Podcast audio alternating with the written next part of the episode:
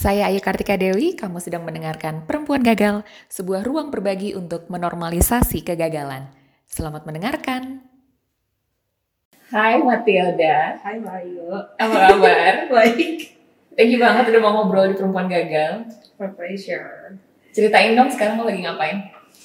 Jadi gue apa? lagi kerja Hmm. di consulting firm. Hmm. Sebenarnya project gue di Singapura, tapi gue balik ke sini khusus buat ketemu lu. Ci. Luar biasa, luar biasa. Kegagalan yang paling membekas kali atau mungkin yang paling mengubah hidup lo apa ya? Hmm, jadi bulan Juni 2014 gue tuh mulai ada benjolan di sini. Hmm. Kayak kayak gede terus kayak kok aneh ya gitu. Hmm. gue ke dokter penyakit dalam, ke internis ke beberapa rumah sakit, semua bilang kayak Allah ini tuh nggak nggak ada apa-apa. Eh, tes darah masih oke. Eh, di USG benjolannya juga cuma 2 cm lah, tapi ada banyak sih 2 cm doang. Hmm. Kalau kanker biasanya 15 cm gitu kayak. Oh oke lah. Terus mereka tuh selalu bilang ini kayak TB kelenjar.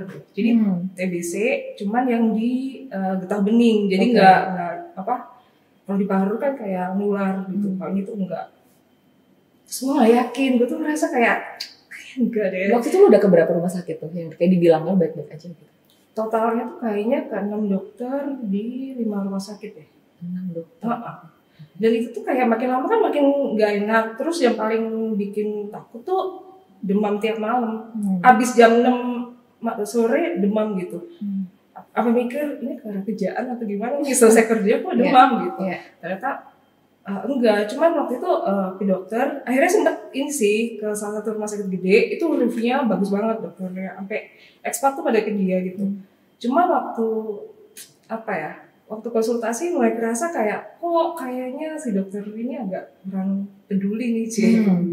dimarahin terus buset. Hah? kan dia bilang ini TB kelenjar terus Iya. akhirnya gue challenge kan kayak kenapa gini kenapa gitu bla bla dia bisa jawab semua Iya. oke lah legit nih kayaknya kasih obat tapi dia kan bilang nggak boleh capek harus tidur cukup gitu lah Hmm. standar tapi gue kayak gitu cuma dia bilangnya kok eh gue bilang kok bengkaknya makin gede Iya. gitu sempat kempes tapi bengkak lagi terus gue makin Hmm. lama demamnya terus dia bilang kamu nggak jaga kesehatan sih Hmm. ya harus gimana dong kan dan nurutin saran dia dan obatnya tuh keras banget jadi uh, urun gua merah gitu gitu lah pokoknya merusak banget tuh obat akhirnya setelah dua bulan sakit dan gua ngerasa eh empat bulan sakit pakai obat TB itu Oke. gua ngerasa kok benjolannya udah pindah nih. Aduh udah gak enak banget udah pindah lokasi. Dan by the way gue tuh lumayan sering googling tentang Hmm. itu. Tapi bedanya sama orang lain yang langsung freak out gue tuh kayak ya nggak pakai perasaan aja gitu. Jadi googlingnya tuh kayak oh oke kalau getah beningnya bengkak itu bisa karena sariawan doang nih atau bisa HIV kanker atau TB Hmm. jadi gue kayak oh oke gue dapet informasinya terus gue challenge ke dokter gitu jadi gue nggak nggak apa sih nggak semata-mata ngambil info lah terus Iya. freak out gitu Iya.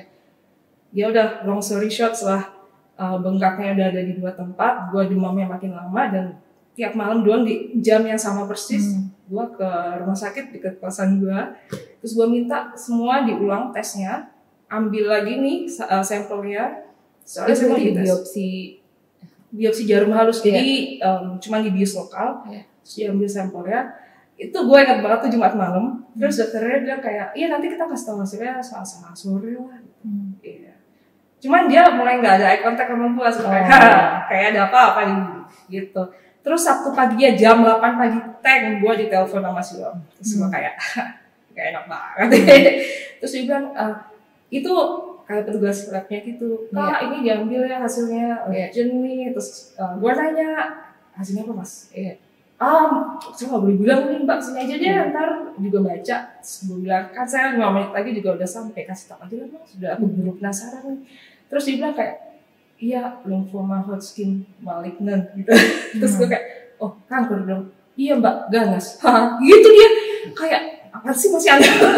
Dia tuh karena awkward kan untuk kan dia sebenarnya nggak boleh Iya, menyampaikan iya, berita iya, kayak iya. gitu terus gue paksa. Dia kayak awkward gitu kayak "Hah, iya kak ganas sih kankernya gitu ya udah akhirnya gue ambil. Gue ajak temen gue temen cowok nih. Hmm, gue bilang eh gue diagnosa saya kanker tapi lo temenin gue ya kalau misalnya gue nangis atau gue kenapa-napa kan lo bisa nemenin. Hmm. oke. Terus kita ke rumah sakit ke bedah onkologi terus dokternya tuh jelasin iya ini kayak doserin tiga segala macam gitu terus gue kayak mengeluarkan kertas dan gue bikin lah framework consulting dong Consulting banget. Kayak kenapa sih gue gak ada perasaannya gini ya no. tapi gue biasa aja kayak justru perasaannya lega gitu Karena kayak- ketahuan. iya Dan selama prosesnya sampai kayak akhirnya ketahuan tuh berapa lama? Meneg- Enam proses bulan. menegakkan enam diagnosa. bulan Gila sih, bingung sih kalau misalnya. jadi sebenarnya waktu awal banget tuh kayaknya masih stadium satu masih awal banget terus karena segala macem akhirnya stadium 3 B gitu cepet banget ya. Iya, coba banget. Lumayan sih. Gitu. Terus akhirnya kita bahas tentang uh, plannya apa aja nih. Oh, gue harus operasi lagi untuk ngambil sampel yang lebih gede supaya bisa dilihat uh, jenis limfomanya tuh apa. Iya, jadi waktu kemo kan gue gak kerja, gak ngapa-ngapain, terus gue bosan. Gak ada orang buat berinteraksi. Gue diisolasi by the way. Suka karena gue rentan kena penyakit, kena virus gitu. Jadi kalau ada flu deket gue gitu, atau gejala flu, gue bisa mati karena itu Hmm. kalau ketularan jadi gue bosan terus kebetulan ada mentor gue yang lu kenal juga terus dia bilang kayak eh gimana nih kalau misalnya you try to think uh, of something or a goal that you haven't got a chance to achieve. Hmm. Terus kayak ya kayak gue pengen kuliah di US tapi itu kayak ngomong aja gitu ah kayak kayak seru temen gue baru dapat beasiswa terus mereka ke UK US segala macam. Kayak menarik juga. Terus kayak oke let's do it.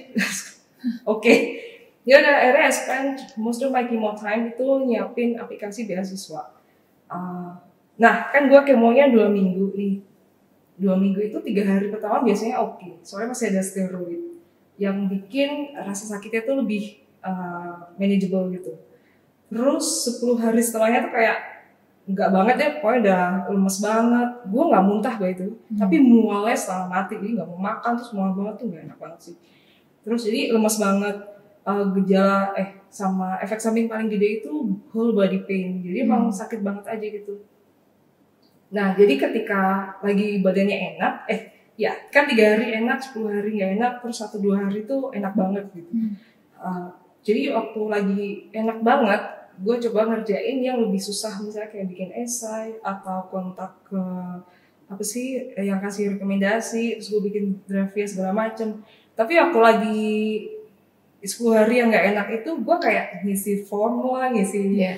aduh yang cimit-cimit lah kayak nge-scan kertas segala macam gitu. Pokoknya yang gampang itu yang dilakuin pas lagi bad days. Kalau yang agak susah pas good days. Kayak gitu. Terus akhirnya gue dipanggil eh, beasiswa LPDP eh, interview. Oke. setelah kemo ke-8 Hmm. Nah itu jadwalnya pas. Gue lagi sakit-sakitnya pas di eh, jeda, eh, jendela 10 hari itu gue tanya dokternya gimana ya dok? Ya ini saya mau eh, interview harus balik Jogja langsung harus balik lagi buat kemo dia bilang ya udah ditunda aja seminggu gitu. Jadi Hmm. pas kamu interview tuh pas badannya lagi enak banget. Itu enak banget. Ya. kalau jaraknya kayak tiga minggu tuh kayak wah legit sih. Hmm. gue kayak ah oke lah kalau dua minggu kayak baru enak dua hari dah kemo lagi. Dia udah akhirnya interview dan gue bilang sama interviewernya kayak "Eh, setelah selesai gue kayak kasih kata penutup gitu Hmm. "Eh, makasih udah kasih kesempatan untuk saya lagi kemo segala macem sebenarnya "Wah, semoga sukses Aduh, jadi ikut bangga malah mereka udah mewek gitu Iya. kayak tenang bu tenang jadi gue harus selalu menenangkan orang gitu cuman akhirnya di hari gue hari terakhir gue kemo kemo ke 12 itu actually persis empat tahun yang lalu gue dapat beasiswa gitu. Mulai kerja lagi di hari pertama gue nggak bisa ngapa-ngapain. Jadi yang paling bikin gue kaget adalah ternyata kita nggak akan pernah jadi normal lagi setelah kemo. It Hmm. literally changed everything. Dan Gejalanya kayak gimana tuh? ada namanya chemo brain. Jadi uh, obat kemo itu mer ah, bukan merusak ya kayak mengganggu kinerja otak. Gue tuh beneran kayak kayak gue nggak kayak gini dari dulu ya gue sekarang lambat banget mikirnya. Terus kayak bikin slide aja karena gue acting firm dulu kan. Jadi bikin slide tuh kayak lambat banget. Padahal kayak cuma ngasih box tiga diwarnain warna ini. Tuh gue kayak lama banget sampai bos gue yang partner itu ngebantuin bikin slide. Terus gue kayak it hit me hard. Soalnya kan gue nggak siap ya. Waktu kayak gue kayak oh ya rambut rontok oke lah gue udah siap. Muntah oke. Tapi begitu balik lagi ke normal gitu kayak ini ini ada apa ya? Kok Iya. kok gue kayak gini? Terus Iya. gue sakit tiap minggu minimal satu hari. Hmm. seringnya dua hari. Jadi kayak produktivitas gue tuh eh, cuma 60% lah sampai sekarang sebenarnya gitu. Hmm. padahal udah empat tahun kan cuman ya itu sih eh, gagalnya adalah gue gagal mempersiapkan diri untuk hidup sebagai survivor soalnya Hmm. nggak ada yang pernah ngomongin itu Sebenarnya Biasanya orang ngomongin kemonya. iya kayak kemonya berat-berat tapi ketika udah selesai kemo tuh kayak it's a celebration gitu Hmm. padahal enggak padahal it's like a different beast ya kayak Iya. gue harus aduh nggak tahu Hmm. ngapain gitu Iya, iya, iya. Dan lo akhirnya kuliah di US nih. iya karena kan gue dari uh, dapat beasiswa ambil kuliah di US itu ada jeda setahun Hmm. Gue sebenarnya cuman kerja lagi tuh kayak dua tiga bulan habis itu gue istirahat soalnya gue nggak bisa bangun kayak sakit banget badannya terus kayak eh, aduh kok otaknya nggak jalan gitu lah jadi fisik otak dan mental tuh kena juga karena gue nggak nggak siap aja Iya. gitu Wah. ada tumor lagi dan Itu waktu di US. iya waktu di US Dan Sa- itu nggak ada hubungannya sama selingfoma cancer. enggak makanya semua bingung kayak ih Dan itu lo ketahuannya gimana waktu itu? Sakit sih. Terus benjolannya kerasa. benjol. sebenarnya kecil sih kayak cuma satu inch gitu awalnya. Terus dokternya kayak Allah ini mah bukan apa-apa. Terus kayak kok dijauh ya? Terus gue bilang terakhir kali saya bilang nggak ada apa-apa tuh kanker sih dok Hmm. terus kayak ya udah kamu khawatir nyolot gitu dia. Sebel banget gue kalau kamu khawatir datang lagi aja enam bulan lagi. Ya udah akhirnya gue kayak aduh nggak enak banget. Dan lo akhirnya dioperasi waktu di Jadi- US atau? Enggak, jadi kan di US itu awal tahun awal 2017. Terus gue interview dulu. buat internship. Iya. Nah sebenarnya pas awal abis ketemu dokter itu gue minggu depannya mulai kuliah lagi untuk semester kedua. Hmm. Gue tuh sempat tiba-tiba pingsan di apartemen, terus kepala gue kejeduk tembok gitu. Terus gue kayak bangun-bangun, hah? Kok ada apa nih gitu. Gue telepon uh, klinik, terus disuruh datang. Terus dibilang ini mild concussion, kayak gegar otak ringan gitu. Terus gue gak boleh ngapa-ngapain dua minggu. Ya karena gue bosen ya gue cabut aja buat interview. Dia lagi aja loh. Ya, dua minggu mau ngapain coba? Akhirnya gue istirahat seminggu, minggu depannya gue ke New York sama Chicago buat interview. Iya. Terus dapet lah lo. Iya dapat. Terus gue ke Jakarta, ke Jakarta kan buat internship. Uh, pas di sana gue udah mulai sakit nih kayak bos gue kayak cerita your makeup doesn't work. you look really sick. Saya gue cek ternyata benjolannya makin gede kayak udah dua kali lipat gitu ya cuma hampir tiga tiga inch. Uh, terus gue ke Singapura lagi ketemu dokter gue terus uh, biopsi lagi terus waktu hasilnya keluar dokternya bilang ke gue eh Matilda good news it's not cancer. Bad news we don't know what tumor this is. Lu googling aja ya gitu. Hah serius lu? Ternyata dia juga googling gitu kita buka google bersama-sama kayak buka wikipedia kita kayak iya apa ya? Ini saking langkanya si tumor itu. iya jadi Baik. cuma kena dua orang dari satu juta populasi. Terus uh, pas gua cek di forum tentang tumor ini dokter yang paling bagus itu di state dekat state gua tinggal dulu. Kan gua di Michigan ini paling bagus di Ohio akhirnya operasi di sana terus Jadi lu sempet balik lagi ke US Iya, dan operasi lagi. di sana. Wah. ya jadi gua in- gagal menyelesaikan internship selama 10 minggu gua mikir kayak ah 10 minggu wah cepet banget gitu gua cuma selesai di lima minggu doang saking gua kayak nggak sanggupnya gitu Hmm. tapi somehow mereka baik banget ya Hmm. terus gue dapet return offer gitu terus gue sebenarnya bingung kayak pas ditelepon sama partner gue uh, gue kayak oh gitu aja expected gitu Hmm. terus dia bingung kenapa sudah kan gue sakit terus gue juga kayak nggak selesai nih internshipnya terus dia tuh kayak bingung banget gitu kayak Hmm. ya lu sakit semua orang juga bisa sakit gitu. terus kenapa gitu Hmm. sedangkan buat gue um, ketika gue sakit gue merasa gagal jadi manusia normal gitu Oke, interesting. gitu dan jadi beban kan kayak ya Lu ngerasa jadi beban Iya. orang soalnya kan tim gue jadi harus cari gantinya gitu gitu lah padahal dan mungkin harus take over kerjaan lu. iya yang kayak mediocre gitu gitu Semat kan um, dampaknya kemo kan macam-macam ya. Hmm. Uh, apa sih yang paling apa ya mungkin menyakitkan gitu komentar orang oh oh jadi gini kalau uh, efek kemo yang paling mengagetkan dulu ya itu kan orang kalau orang tahu lagi ada yang lagi kemo biasanya jadi kurus banget Hmm. gitu, kan. Pokoknya ada stereotype tentang pasien kanker. Iya, kurus kemudian jadi Iya, jadi apa rambutnya iya, rontok, jadi jadi muntah-muntah Iya, iya. gitu. Gue yang bener cuma botak gue malah naik beratnya. Hmm. jadi waktu uh, kemo kan pakai steroid supaya badan gue tuh lebih tahan sama rasa sakitnya. Oke. gitu aja kayak hmm, gini udah pakai steroid nih double bisa nggak? Sakit nih nah efeknya adalah gue jadi moon face kayak muka gue jadi bulat kayak uh, bulan gitu. Dan gue naik berat ya seminggu satu kilo. Itu kayak kok pas banget ya? Jadi bayangin dalam 12 kali kemo gue naik 12 kilo. Padahal itu pertama gue nggak makan ya.